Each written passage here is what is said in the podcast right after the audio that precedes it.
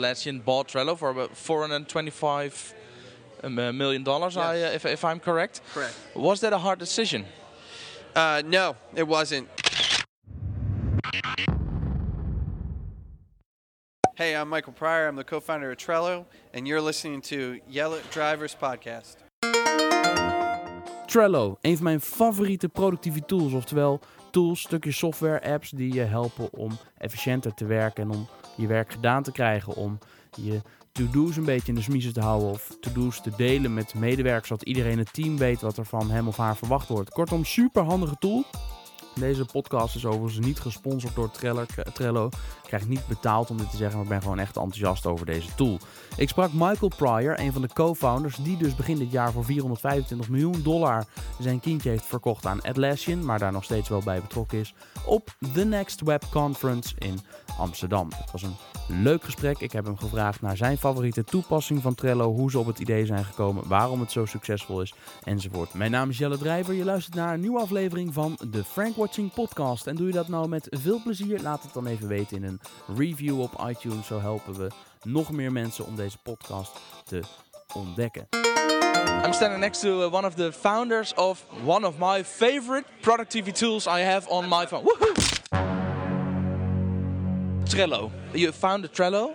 How come? Yeah, why did we do this? Well, we had this habit of uh, making new products, just coming up with new ideas and testing them and see if they worked. And we were sitting around, we had a company of about 40 people, and my co founder and I were trying to figure out you know, there's a lot of people doing things at the office, but I don't really know what they're doing. And he had an idea. He was like, why don't we make a, a, a to do list for everyone? It'll be just five things. So, two things they're working on now, two things they're going to work on next, and then one thing they're never going to do. We all have those. Yeah, so but the idea was that was it. You could never put more than five things in the list, and everyone would only have one list. And then you'd go to a page that would have everyone's list next to it, and you could see, okay, you know, as the manager, you go down, you'd be like, okay, I see what everyone's working on. The idea was, let's give them a higher level perspective to what's going on at the company. Like an overview. Yeah, and so we, you know, we would go, and then that idea sort of morphed as we went into people's offices. We saw our developers using sticky notes on the wall, and we just realized that there's something about the sticky notes and about the lists, and something really, you know, core to the way people organize their thoughts and the way people collaborate and that visual you know the the tactile nature of touching that note on the wall and sort of looking at it. And so we took that and it became trello. I, I, I really like productivity apps and, and lists and, and, and uh, software that helps me getting through the day and get things organized. So I've tried a lot of them. I've tried Wunderlist and I've tried uh, Podio and I've tried. Well, that yeah. they're, they're shutting that down now Yeah, like yeah, yeah. I, so I, I- I've tried loads of it, and at some point we went back to just having a wall, putting on post-its, and then someone walked in at a day and said, "What's the idea?" So well, we have post-its per person or per client, and it's it's uh, prioritized from top to down. So if it's high, then it's high on the list. High priority. If it's down, it's the someday, maybe, or never. And then the the, the words we hear uh, a lot. You know, there's an app for that, and it's, it's called Trello. You should try it. And I, I tried it, and like I said, it's one of my favorite apps. Why is it working so well? I think one reason is it maps exactly to that metaphor that you already stand that you already understand. So the the learning curve is basically zero, right? Like, and um, I also think that we built it in a way that lets you sort of build the the the process the way that you think about it. So you said I have lists with people as the list headers, you know, and, and I think about the problem in this shape. And it's really easy to change the shape of the board and it's sort of flexible. Like, we don't come in with any preconceived notion in Trello. We're just like, you have some cards, you have some lists, you have some boards, you have people, there's some labels. You can use them for whatever you want. They're Lego bricks, right? You build the solution to work the way that you think about the problem. And that's, you know, that's why it's a very horizontal tool and we're sort of aiming at this universal audience instead of building something very vertical and trying to solve a very specific particular use case. It, it solves many use cases very broadly. Um, you know, as opposed to solving one particular use case very deeply. Yeah, we have several ways of using using it, and we have several Trello boards. So one is in, is with all the tasks, and it's like uh, all the tasks are in the left uh, uh, list, and then it's uh, if, if someone claims the task, it goes to his or her list, and then if, if he or she wants a four eye principle, someone else to look after and check it, double check it, then it's going to a, a checklist, and anyone can can can claim something from the checklist, and then it's really done done. Then it goes to the final, and once a month or once uh, every two weeks, we, we archive all, uh, all all the the cards on that list. But we also have a board with leads, so all the leads are on the first one, and cold is on the second one, and so. uh, Do you have any? What, what's your favorite uh, way of using Trello as an entrepreneur?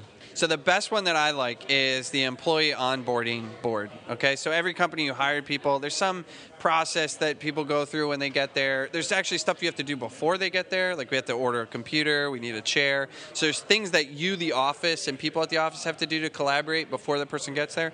They get there in their first day. There's things that they need to do, forms they need to fill out, maybe a tour that they need to take. Then there's a bunch of information that they just need. Like they might, you might have cards on the board that are pictures of the people at the office. So after you do the tour and they come back to their desk and they forget everyone's name, like they're just on that Trello board and they see the people's pictures and their bios. Best part about that is you create the board. Then when the new person comes, you copy the board right? So that you have a copy that the person works through, and they add their comments and everything to the card, and then you archive that. And then the next time some new person comes, you copy the the main board again. And if you ever miss something that you go, you go, oh, well, we didn't tell you about this, or you just update that main board, and then it'll fix it the next time that process comes through. The other thing that's in, that's great about that, from my perspective, is that means that every employee that comes into your company learns about Trello.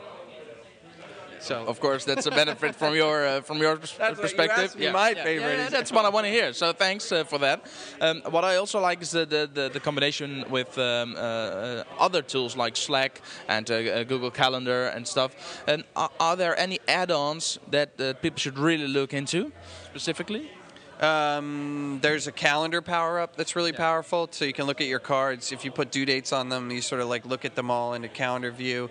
Uh, there's a card snooze power up. So, um, like, let's say you're on a board and you're like, yeah, I don't want this card to be here now because it's not really important today, but I want it to reappear in a week or in a month so you can send it away for a month. Um, there's custom fields power up if you have a board that has a very structured process, like maybe you're using it for your swag at your company and you you need to. Um, you know, get people's T-shirt size, and so you add a field to the the card that is the T-shirt size for the order that I have to send out. Um, there's a lot of different functionality that we built into Power-Ups, and we're going to build more and more. And the nice thing about Power-Ups, which are there's the integrations to other apps, like you said, like Slack and Google Calendar, and uh, and uh, all the Atlassian tools like Jira and HipChat and Confluence and many more microsoft teams there's there's a lot of integrations that we have but also there's a lot of feature power ups that we have that just add functionality into a particular board that help you solve some specific problem that you're trying to deal with When you started Trello, you had this big, hairy, audacious goal of getting 100 million users, and uh, I've read that it- for you uh, once you stated that it was it, it felt like uh, planning a trip to Mars. Um, y- y- in last January, I, I found some figures that it it was about 20 million users. Yeah. How did you get from zero to 20, and why was it so hard? Yeah, well, it took that took six years, right? And it, I think that's even cheating because it took ten years of mistakes and lessons that we learned from when we first started the company that Trello spun out of. You know, from 2000 to to 2010. Um, and then you know we, we launched Trello in 2011, and, and now six years later we got to, to 22 million people. Now we're up to 22 million signups. But a lot of lessons learned along the way. I think one of the biggest things, the differences that we, we, we did with Trello was to try to build a tool for the entire world.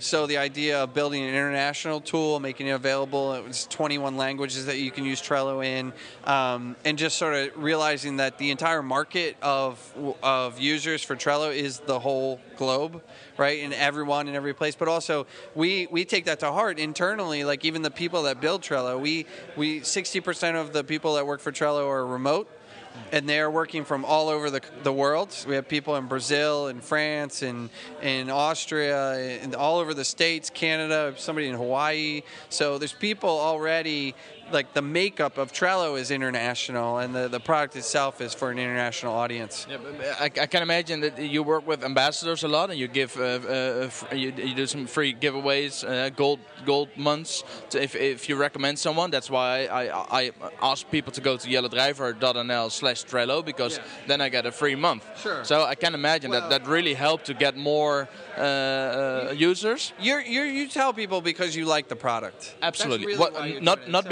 because I get free. Right. No, I mean, I'm recommending it from. Uh, uh, Right. yeah. If the product wasn't good, you wouldn't Never recommend it. No. So that's icing on the cake that you get some stickers or custom things, and it just makes Trello a little bit more fun. It's really not going to change the way that you use it, um, but. But but so that's a fun thing for us to like give back to people that, that tell other people about Trello, and it, it- it's interesting because we've never spent any money on advertising, so all those people came from word of mouth, and and in some ways I think that's probably a mistake, right? Like I, I sort of say it on the one hand, I'm like, all the people that came to Trello, it's all organic, it's word of mouth because people really love the product. Um, I also think we probably could have a lot more people using it if we just put a little money into advertising. Um, so we're going to do that. Uh, but but I do think it, it's a testament to the usefulness of the product and how much people love it that we've got to 22 million signups with no advertising. Yeah. When, did the hockey stick uh, came in use? Because I can imagine it's sort of an oil. That's on a hockey stick, right? Or you said that, yeah. Um, the, the you know it's it's sort of funny because it. It's like depends on which Zoom level you look at it. It's like per year, or you know, when we launched at TechCrunch Disrupt six years ago, you had a ton of signups on that day, right? It took us probably three or four years before every day became a TechCrunch day, right? You know, like it was it was a very long time before we ever got that number of signups in a day again, and it's it's it's a it it's just you just keep putting your one foot in front of the other. I don't know there was one specific day that um, was the ch- the turning point for us. It's just if you get more people and they recommend it to more people, and then that just sort of viral. Yeah. It took a lot of mistakes. yep, Yeah. it did. It did. And uh, what's your favorite failure? Um, We built a, a product called Copilot a long time ago that was a screen sharing tool. So, like, if you were somewhere else and I wanted to see what was going on on your screen, I could. You go to a URL and give me a code. Now, now, like that's a very common app, right? But at the time, not that didn't exist. Like companies like LogMeIn and Go to My PC didn't exist, um, and we built that and we marketed it toward customer support reps, like people that were doing customer support which is probably too small of a market. Um, so we made money on it. Um, and then those other companies, LogMeIn and Go to My PC, sort of came out and got a lot of traction, you know, in a much broader audience and became billion-dollar companies. So, you know, it's it's interesting. If I look back at a lot of the mistakes, you know, maybe the right product at the wrong time or the right product at the right time but the wrong marketing strategy. Um, we used a lot of those failures and those lessons along the way to um, help us create the apps that did succeed. But um, yeah, You talked about swag earlier. Yeah. You have uh, Atlassian on your shirt and not Trello. Well, no, I got Oh, you have Trello as well. So you have both of it. But Atla- uh, Atlassian is, is, is above Trello, and that's kind of the thing because in January Atlassian bought Trello for about 425 um, uh, dollars. I, uh, if, if I'm correct. Correct. Was that a hard decision? Uh, no, it wasn't. Um, because actually, the interesting thing was at the time we didn't need to sell the company. We were doing great. We ha- we were basically in total control of our burn and our finances. In fact, had a lot of VCs that wanted to invest. Um, it, we were the, the, when Mike, the uh, Cannon-Brookes, the co-founder of Atlassian, pinged me and said, "Hey, do you have time for lunch?" I was like, "Sure." Like I, I, you know, I, everything to lose. Yeah, why not? I'll have this conversation. And I sort of thought I kind of knew that we were going to talk about the acquisition, but I'm kind of thinking it's probably not going to, you know, work because I don't really need to sell and everything's going great and I'm really bullish on the future. And we sat down and we sort of talked about two things. One was the people at the company and all about the culture and what we were trying to build, you know, inside the company and, and that, our values. And then the second thing was, what is the vision of Trello? Like, what do we want to do with this? Where do we want to take it? And what is it? the idea that really what we're trying to build is this universal app for everyone to use, whether it's at work or at home, and the idea that this is a collaborative tool people understand the metaphor. This can be a blueprint for so many different things that you do in your life. And so I think that that horizontal nature of the app and the sort of global reach of the app was what resonated with him and, sh- and was the shared part of why he was interested in Trello.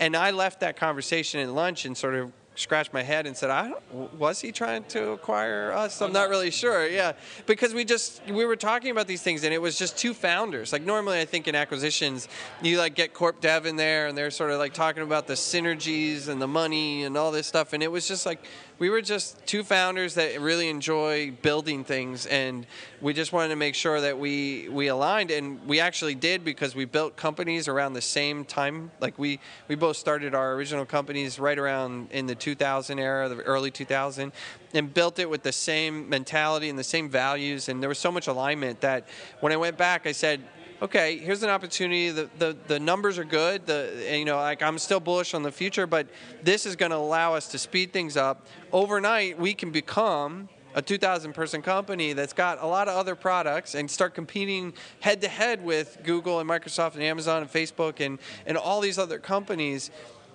why not speed it up? You know, why not just do it if, if all those those numbers add up and, and the, the, the values are there and the product is there and the people share the vision so I was like, in, in, in, what way did uh, the the acquisition of uh, Atlassian um, uh, contribute to the, the, goal you had at Trello? You just described the goal. Well, I think it's just one was speeding us up resources. Like the first thing we did when we got in there was we had all these open headcount positions for Trello, like engineering, and we ran a um, an internal recruiting drive called Trellocation to to see if people wanted to come over and join us. So that was one thing, like just speed us up, like get engineering talent in quickly. The other thing was, as I talked before, like I think you know spreading organically is awesome because it, it's a testament to how awesome your product is, but it's also if if more people knew about Trello, more people would use it, right? And so spending money on advertising is a thing that we didn't do when we were a startup because we were very cash flow sensitive, and uh, we can do that now. Um, and so, I th- and I also I think you know I said learning from our mistakes is really important to the success of Trello, and now I get to learn from all the mistakes that they've made over the years, Mike and Scott, in building Atlassian, and um, you know because clearly they've also learned from their mistakes and they can apply it to that. Even from day one done they've done 18 acquisitions before. So they came into this knowing what can go wrong in an acquisition. And one of the first things that we said was, hey, you know, we have 2,000 people over here that totally want to help, and you guys are only 100 people at Trello if everyone just shows up and is like, I want to help, I want to help, like it can actually just stall you guys out and you can slow slow you down. So we're gonna run in this do not disturb mode for a while and like let you just keep doing what you're doing and operate as a standalone service because we don't want to slow it down. It's working. Like let's keep going. So I think like you know their attitude towards doing things and then looking retrospectively and, and learning from those mistakes and then using that to go forward is, is hugely beneficial. They allowed you to, to, to, to, to stay the speedboat and not become the oil tanker. Right, right. right. Well, thank you so much, yeah, Michael, for, for helping me be more uh, productive. Sure. Thanks for having me. Bloopers, bloopers, bloopers. Een review op iTunes, want zo help je mij en andere mensen om deze podcast bij nog meer mensen onder. Bloopers, bloopers, bloopers. Dus nogmaals, je luistert naar de Frank Watching Podcast. Mijn naam is Jelle Drijf, bla bla bla bla bla.